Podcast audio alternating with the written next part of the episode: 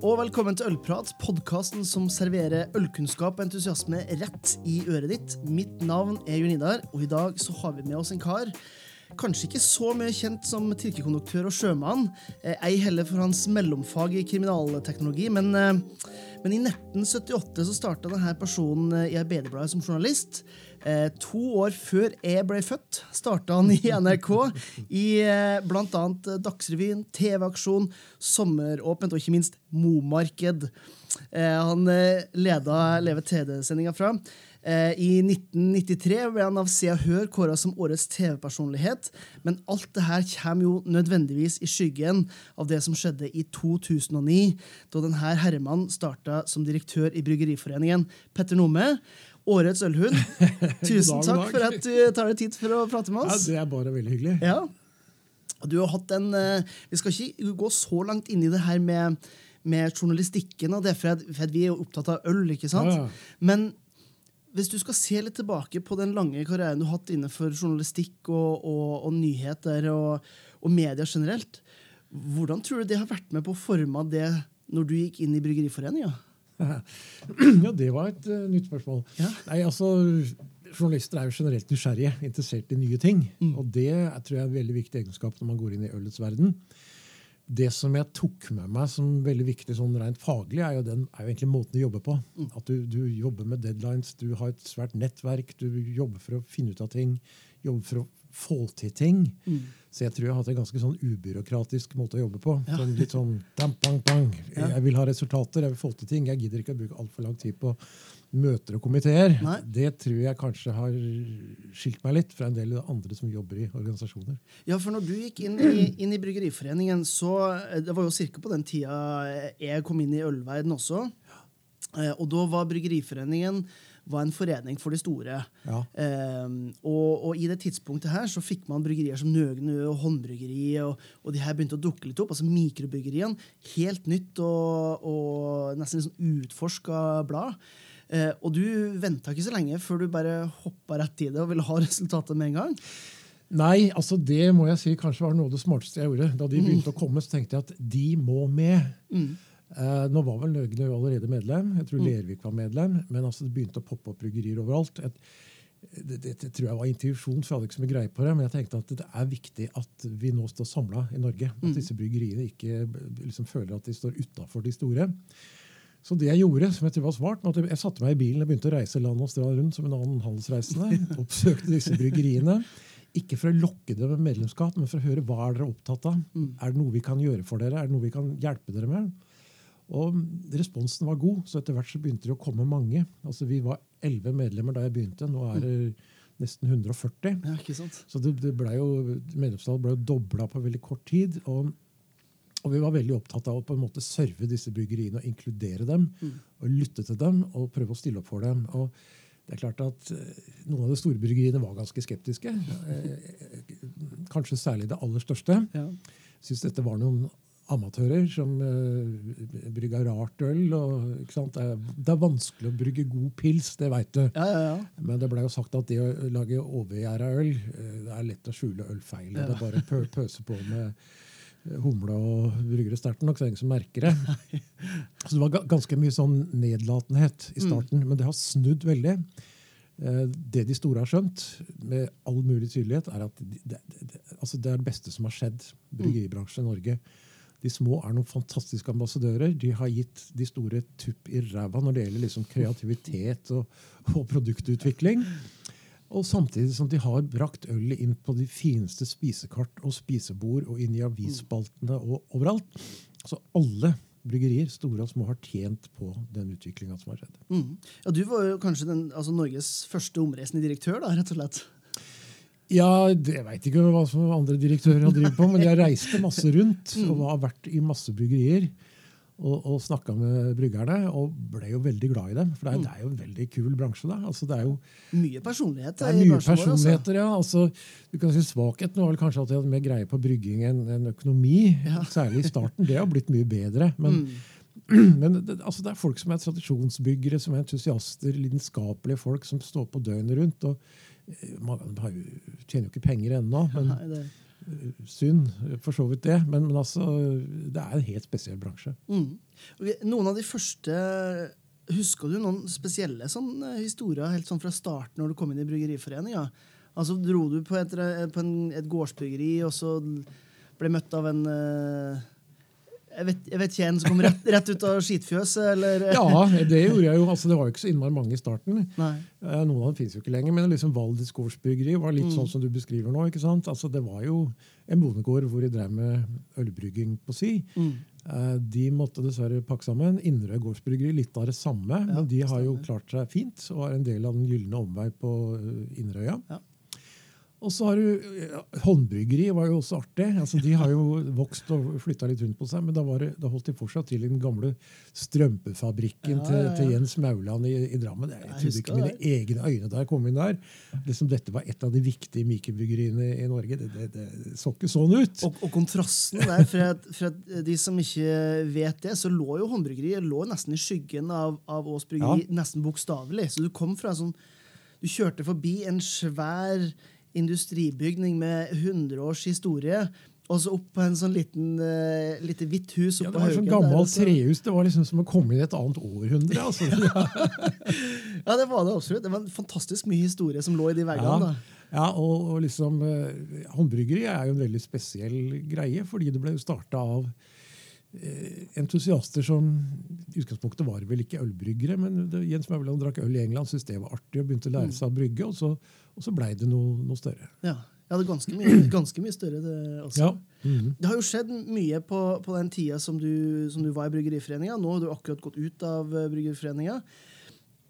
Hvis du kan ta noen sånn hovedpunkter av det som har endra seg mest, da, hvis du ser bort kanskje fra den her litt sånn her nedlatende tonen fra de store bryggeriene, hva er det du tar fra, fra, fram som et par hovedpunkt av hva som endra seg i Øl-Norge?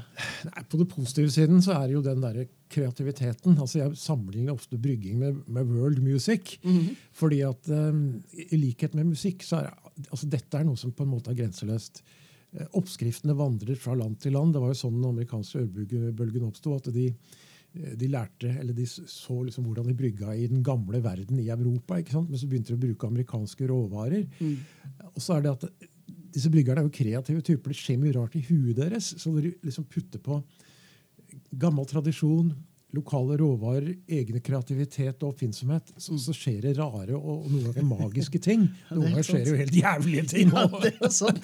kan, men sånn må det være når man eksperimenterer. Men det er liksom den der driven i å utforske, mm. som man kan godt le av altså Det er mye tulløl rundt omkring ja, det, også. Det er også sant. men, men, den har jo um, utvida perspektiv i forhold til hva øl kan være. Mm. Det er jo det veldig bra. Så liksom, I en sånn pionerfase så er jo alt veldig morsomt. Mm. Men nå er vi jo over denne pionerfasen mer eller mindre ja. i Norge. Selv om det kommer nye bryggerier hele tida. Eh, men så har vi hatt en 20-30 nedleggelser og konkurser de siste par åra. Ja. Og vi ser at mange av de bryggeriene som holder på fremdeles, de tjener jo ikke penger. Nei. Det er jo fortsatt mange som driver som en slags hobbyvirksomhet og engasjerer tanter, onkler og fettere og kusiner til å, å, være med å brygge. Mm. Uh, og det er kanskje artig en stund, men altså du kan ikke holde på å Det er ikke bærekraftig. Nei, det er ikke det. Du kan ikke liksom brenne kruttet hele tida. Da, da, må du velge mellom bryggeri og kona etter hvert. ja. Det er mange som har måttet gjøre. Ja, det ser ikke ut. um, så nå er liksom overgangen fra den der um, pionerfasen til på en måte business. Mm. Og jeg tror jo For å lykkes så må du være best på ganske mange ting. Altså For det mm. første kvalitet. Du må brygge veldig godt øl. Og så må du få til alt dette med eh, design, profil, markedsføring, eh, økonomi. Alt dette her. Og det tror jeg ikke alle er i stand til å klare. Jeg har jo spådd lenge at det kommer til å bli et uh, konkursras. Mm. Det har egentlig ikke blitt noe ras ennå, men det er litt sånn småstein som renner ned bergveggen. Ja. Um, men altså er, ordet bærekraftig er ordet. Altså, mm. du, du må, det, det, må, det, må, gå rundt, og du må ha krefter til å holde på. Ja. Uh, og Det tror jeg nok kanskje det begynner å skorte på for noen. Ja, det tror jeg også, for Når man ser bare på, altså på konsumentene, så har jo de totalt endra eh, holdning til håndverksøl. Eh, og så kan man selvfølgelig skylde på, på at utvalget er for stort, eller at untapped som et element har jo ødelagt for man skal hele tiden ha noe nytt. Mm. Men, eh, men, man krever mer. Jeg husker jo selv i den tida når, når, eh, når håndbryggeriet holdt på oppe, oppe på Haugen i, i Drammen. Eh, så jobba jeg på en restaurant her i Oslo, og hver gang vi skulle åpne en øl fra håndbryggeriet, så gikk vi inn på kjøkkenet og så holdt vi hånda inn i vaskemaskina i tilfelle den kom til å eksplodere. ja. Den tiden er jo heldigvis over for både håndbryggeriet og for, for uh, de som jobber i restaurant. Du, altså, håndbryggeri var jo berømt for å ha litt overkarbonert øl. Ja. Jeg var veldig glad i det som het Arden Blond, ja, og da måtte jeg jo liksom gjøre noe av det samme hver gang. jeg. Altså, Hvis du aldri hadde fikk, nei. Måtte nesten gå ut og åpne den for å være helt sikker. Uh, nei, så Håndbryggeri har jo, har jo, blitt et kvalitetsbryggeri, og som også har vært flinke til å gå nye veier på, på surølet sitt og fruktøl og en del sånne ting. Mm. Men så er jo, altså, konsumentene er jo ikke jo, men, villige til å akseptere sånt. Nei, men det er vekslende kvalitet rundt omkring, og det tror det er jeg er noe av grunnen til at uh, håndverksølet hadde en svikt i fjor i salget. Mm. Jeg tror det er en blanding av flere ting. Det er klart at Alt som blir hypa så fryktelig, det, det varer ikke inn i evigheten. Men basically så tror jeg at hvis du først får smaken på noe som du syns er skikkelig godt, så slutter du ikke å kjøpe det og liksom går tilbake til det du, du drakk før. I fall, du kan, ok, Er du glad i Åls pils, så bør du fortsette å drikke Åls pils. Ja. Men, men, den der eh, fyr og flamme fra håndbryggeri vil du fortsette å kjøpe når du føler at du har råd til det. Ikke sant? Men, men ikke sant, noen av de som var med på det bare for hypens skyld, de detter kanskje av og går tilbake til det andre. Og så er det sikkert noen som har gått og kjøpt en øl som var svindyr i forhold til hva de er vant til, og så var det ikke noe god. Og så tenker jeg ok, dette tar jeg ikke sjansen på. Jeg Nei. drikker korona, for det veit jeg hva er for noe. Ja. Så det er liksom Det er noe vi har sett i alle mulige land, mm. som har hatt som kom før oss med denne ølbølgen. at det, det vokser veldig veldig fort, og så stopper det opp, stabiliserer seg, går kanskje litt tilbake, men så kan det begynne å vokse igjen. Mm. Det har skjedd i USA. og Jeg ser ikke noen grunn til at ikke det samme skal skje i Norge. Nei, ikke sant? Nei, og, og det er litt interessant du sier. Altså, for jeg, jeg syns jo i hvert fall fram til der vi er i, i, for et par år siden, så har jo Norge tatt mye av uh, de samme veiene som danskene, f.eks.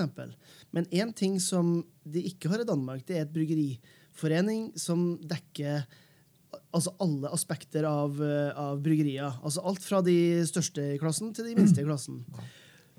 Hva er de for Nå setter jo ikke vi på de møtene, og du skal jo selvfølgelig ikke avsløre de mest juicy detaljene, men hva er noen av problemstillingene man har når man sitter med en medlemsmasse på 140 medlemmer, der den ene produserer til sammen like mye som 140 av de andre til sammen?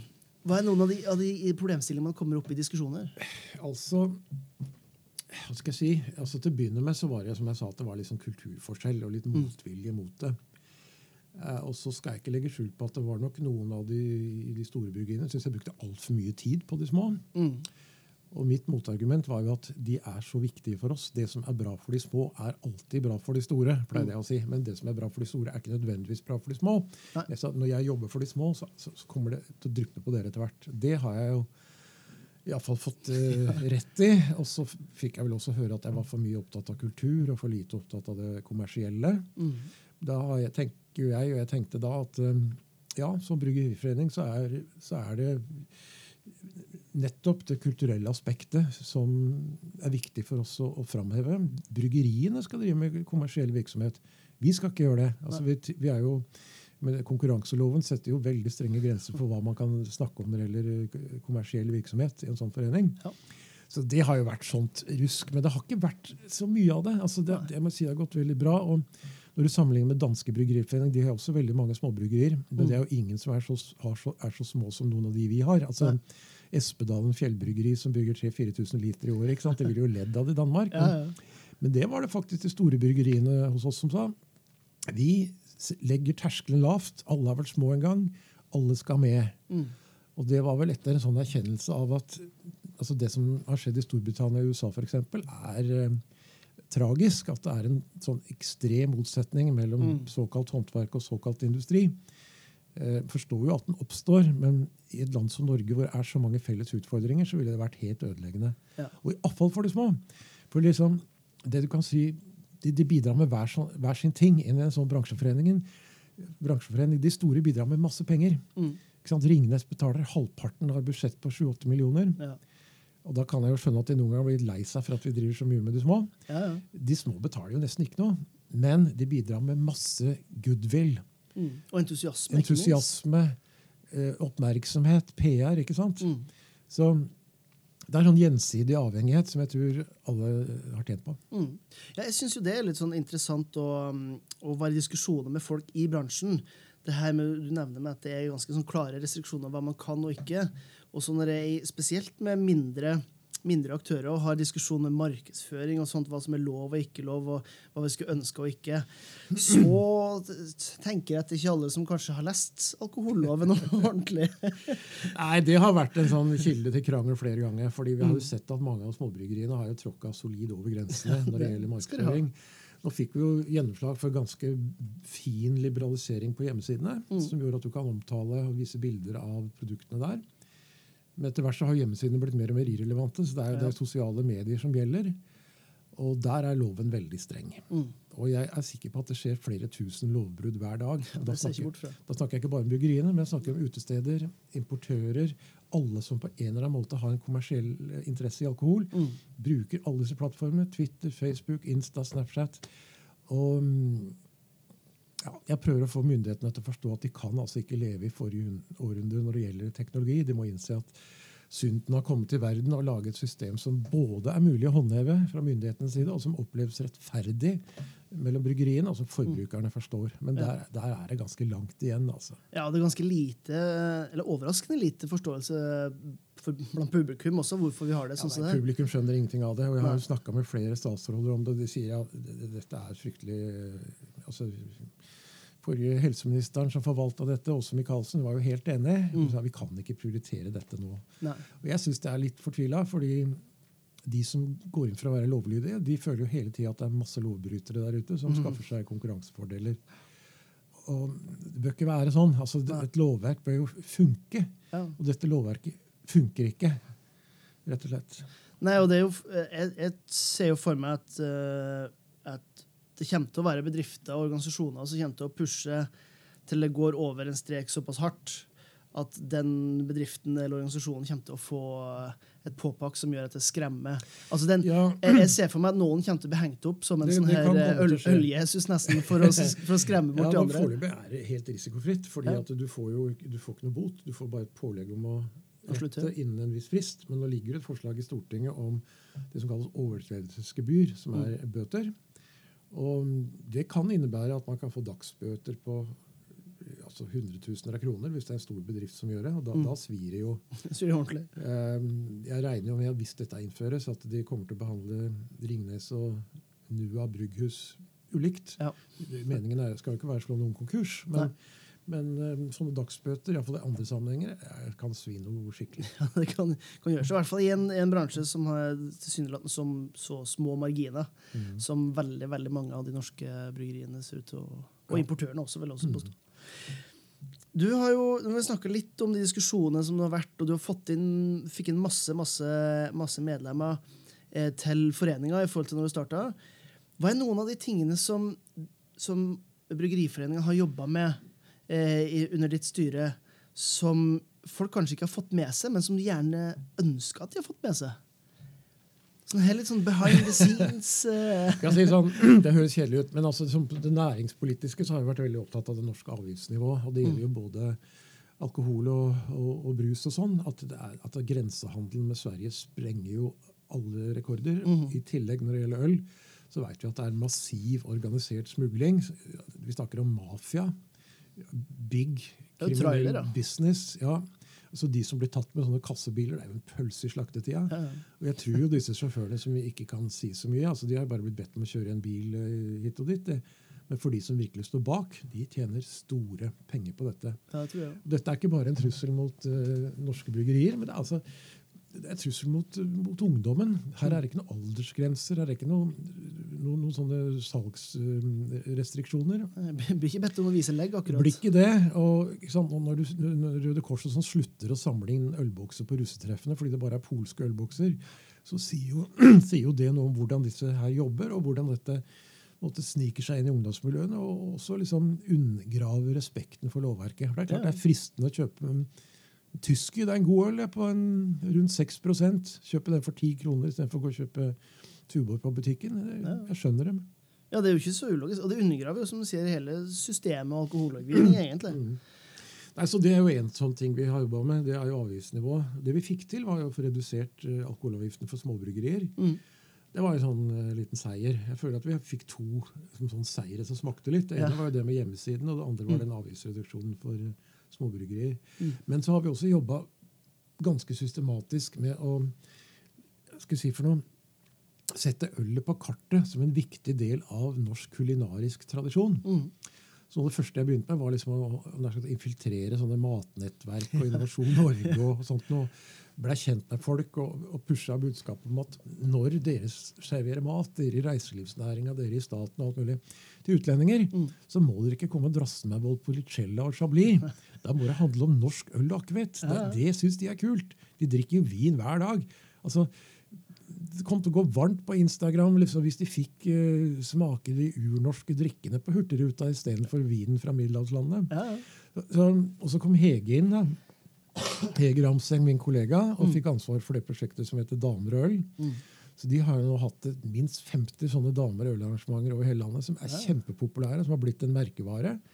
Du kan si, uh, Hvorfor skal damer drikke øl? Vel, Fra bryggeribransjens side så er det klart at det er et superinteressant marked, fordi mm. de drikker jo oftere vin enn øl. Men det er også noe med at mange kvinner de har smakt pils og syns det er bittert og ekkelt, og vil heller ha en uh, perlende vin. Men de, så fort de oppdager at øl er jo så utrolig mye mer, det er så stort mangfold, mm. så, så, så, våkner interessen, og noen bytter ut Chablin med en hvetøl og rødvin med en stout. Ja, ikke sant? Ja, det må jeg si, det er En av de tingene som jeg har merka de snart ti årene jeg har holdt på med øl, er jo det at man har gått fra at det er normalt at noen ber om en, en dameøl, til at det er ganske sjelden at du hører det. Ja. For liksom, hva er en dameøl? Det er jo helt uh, Har du damemiddag? Hva, hva er det? liksom? Altså, jeg, jeg, er mye rundt blant folk og og foredrag og sånn. Og, det, og, ofte så er det helt vanlige mennesker som ikke har noe spesiell altså Det kan være en bedrift eller en pensjonistforening eller et eller annet sånt. Noe. Mm. Og jeg, det jeg merker jo fortsatt når jeg spør er det mest glad i øl eller vin. Damene er stort sett på vin, og hvis de drikker øl, så er det liksom det er korona. og det er lyst øl. Og så spør jeg, mm. har det smakt? Det har jo ikke smakt noe annet. Nei, ikke sant? Så det, er en vei igjen å gå. Men blant de som driver med dette, blant de som driver med mat- og drikkespalter i avisene, i restaurantbransjen, Vinmonopolet har blitt kjempeflinke. Mm. Så liksom det har skjedd en voldsom sånn modning og utvikling i løpet av de siste ti åra. Mm. Hvordan har dere jobba? Det er interessant uh, du nevner det her med Vinmonopolet. For jeg husker jo, Nå er jo det en sju-åtte års tid siden der, at Bryggeriforeningen kom med en sånn her liten infohefte ja. om, om, øl og mat. Hvordan har dere jobba med sånn som f.eks. Vinmonopolet eller de store dagligvarekjedene for å, å tale medlemmenes uh, sak? Nei, I forhold til dagligvarekjeden så lagde vi en sånn brosjyre. Det var en ganske stor satsing. Den ble jo sendt ut i 500 000 eksemplarer til alle mm. dagligvarebutikker. Uh, som fortalte om uh, øl til mat. Mm. Og da hadde Vi jo, vi, vi gikk jo nøye gjennom dette med Helsedirektoratet på forhånd. Mm. Og fikk jo godkjent den, for det nevnes jo ikke noe merker, eller noe sånt der, men det er liksom hvilke øltyper passer til hvilken mat osv. Så sånn, vi anbefaler til og med alkoholfritt øl. Så, så mm. den gikk jo gjennom. Men det var, det var litt sånn en nyvinning, for bryggeriene trodde jo ikke på forhånd at det var mulig å gjøre noe sånt. Nei. Eh, så Det er vel også noe med at vi har klart å utvide mulighetsrommet litt for at det er hva vi faktisk kan gjøre når det gjelder å informere om produktene. Mm. Når det gjelder Vinmonopolet, så altså Da sterkøl i sin tid kom på polet, så var det skikkelig hår i suppa. Altså, det, øl, hallo, liksom. Vi er et seriøst vinmonopol. Skal vi drive og selge øl? Fylledrikk? Ja. Så de var veldig negative. Men etter hvert så har jo Vinmonopolet både oppdaga det mangfoldet som har kommet, og også at øl i mange år på rad har vært den produktgruppen som vokser mest. Mm.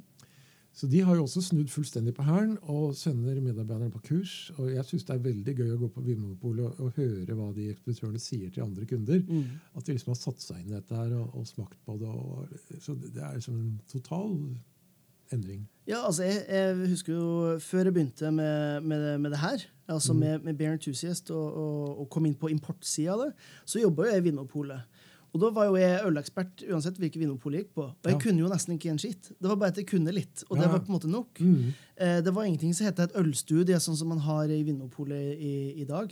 Eh, og nå er jo det fortsatt den studien som Vinmonopolet har i internopplæringa si, som har flest søkere hvert eneste okay, ja. det, det, er klart, det er også, sikkert også fordi de føler at der har de mest å lære, men det er mm. veldig gøy at de søker på det. og på mitt lokale pol altså Det er en sånn fyr som er dritgod på øl. Jeg går jo alltid ut derfra med mye mer enn jeg egentlig hadde tenkt å kjøpe.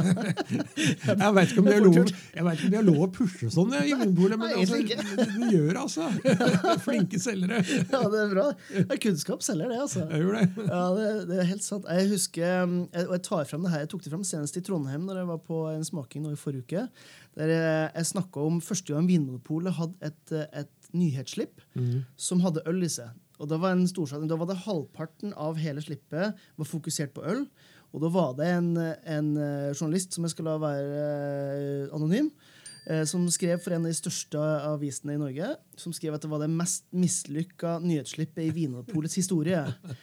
Fire år etterpå så skrev denne journalisten ølanmeldelse i den avisen han skrev for. Så, så det endra seg jo ganske, ganske kraftig. Ja, ja. Hva, hva, hva tenker du For nå, nå er det litt sånn, sånn mimring tilbake. Hvor, hvor tror du vi er på vei hen med Øl-Norge? Altså, det har skjedd ekstremt mye på Ja, nei, men jeg tror vi må sammenligne litt med land som har kommet lenger i den utviklinga enn det vi har. Altså, Mm. Nå var jeg i USA i sommer og besøkte en del bryggerier og snakka med litt folk. og sånn, og klart at Nå har jo dette blitt et produkt blant mange andre. Mm. Eh, når, når du er ute på bryggeriene, de, altså, de er ikke så de er ikke så liksom, sånn kultur, nyskapende orienterte og sånn som vi var i mange år. Det er Mm. mer sånn, så De er mer kommersielt orienterte, rett og slett. Altså, Hva vil folk ha? Hva er det som selger? Det er likevel så må du jo fastholde veldig veldig strenge krav til kvalitet, og også produktutvikling. Mm. Men jeg tror nok kanskje at um, jeg, jeg tror nok at det er ikke sikkert vi om noen år har like mange forskjellige øl i, i hylla på Meny som vi har hatt. Nei. Men at uh, jeg tror nok at kvaliteten vil være gjennomgående høyere. Mm. Og bredden når det gjelder øltyper, like stor. Men jeg vet ikke hvor mange forskjellige IPA-er det er i Norge nå. Er det Kanskje 500? ikke sant? Jeg tror, du, jeg tror er en underdriver. Jeg tror vi nærmer oss over 1000. Ja, ikke sant? Og det er, alle de er ikke like gode. Nei, nei. Eh, Samtidig så er prisvariasjonen helt enorm. Altså Hvis du går på polet og ser på en 6,5% IPA, så varierer jo prisen mellom 30 kroner og 70 kroner. Ja, ja. Og den avspeiler ikke eh, altså, Kvaliteten. kvaliteten. gjør ikke det, altså. Nei, det er enig. Så jeg tror nok at jeg tror folk blir mer prisbevisste. Mm. Og så er- etter hvert som man lærer mer og mer, så blir man også mer kvalitetsbevisst. Og så kommer en del bryggerier og noen øl til å dette av. Mm. Eh, men mangfoldet vil forhåpentligvis fortsatt være der, sånn at liksom Nå sier det pling, pling i telefonen min. farlig. Nei, altså, Brown ale er ikke noe stor øltype. Nei. Men jeg håper jo for guds skyld at det fins finnes brown ale der ute. Mm. Men at den skal være god. Ikke sant? Så, så det, det må jeg da virkelig håpe. At, Mm. vi- at vi liksom ikke vil bare sitte igjen med liksom flaggskipene. En IPA, en doble IPA, en hvetøl, en stout og en blond. liksom. Da er vi nesten tilbake til hvordan det var med ølkartell. Ja, det, det, kommer, det kommer ikke til å skje. Jeg tror alt det der med den lokale faktoren kommer Mm. fortsatt til å spille en, er en rolle. Det ser vi jo en del bryggerier som jeg på en måte ikke har på radaren når jeg går på butikken og på polet her i Oslo. Jeg, jeg- sitter jo og ser salgsstatistikker fra måned til måned. Mange av dem selger veldig bra. Mm. Og ikke minst pubbryggeriene. eh, Det er jo en, den beste måten å tjene øl, penger på øl på. Ja. Det er å brygge øl og selge det direkte til gjestene på puben din. Da kan, behøver du ikke brygge så innmari mye Nei. og dele med så mange. Så mm, Den typen mangfold kommer også til å overleve, og det kommer til å bli mer av det. Mm. Ja, det, det tror jeg også. Og det, og det, det skredet som du, som du snakker om også, det er jeg helt sikker på kommer til å, å komme på et tidspunkt også. For at eh, når det er såpass stor prisforskjell, og så stor forskjell på kvaliteten, så kommer folk til å begynne å dette av. Og så skal vi jo være litt heldige at vi er inne i en veldig fin økonomisk tid enda. Ja, ja. Men uh, det varer jo bare så lenge det varer. Og når det blir litt strammere Men det er litt så- artig ting der, for jeg var besøkte Brooklyn Brewery i Mm. New York for noen år siden. Og det var etter en sånn resesjonsperiode. Ja, det var vel Ja. etter 2008, da. Eh, ikke sant? Og de sa at i den perioden så økte salget. Ah, ja. Og grunnen forklarte de med at altså når det er dårlige tider, så la være folk å kjøpe nytt hus og ny bil og dra på en dyr er ferie, men de unner seg litt ekstra i hverdagen. Mm. Så de tjente penger på det. ja.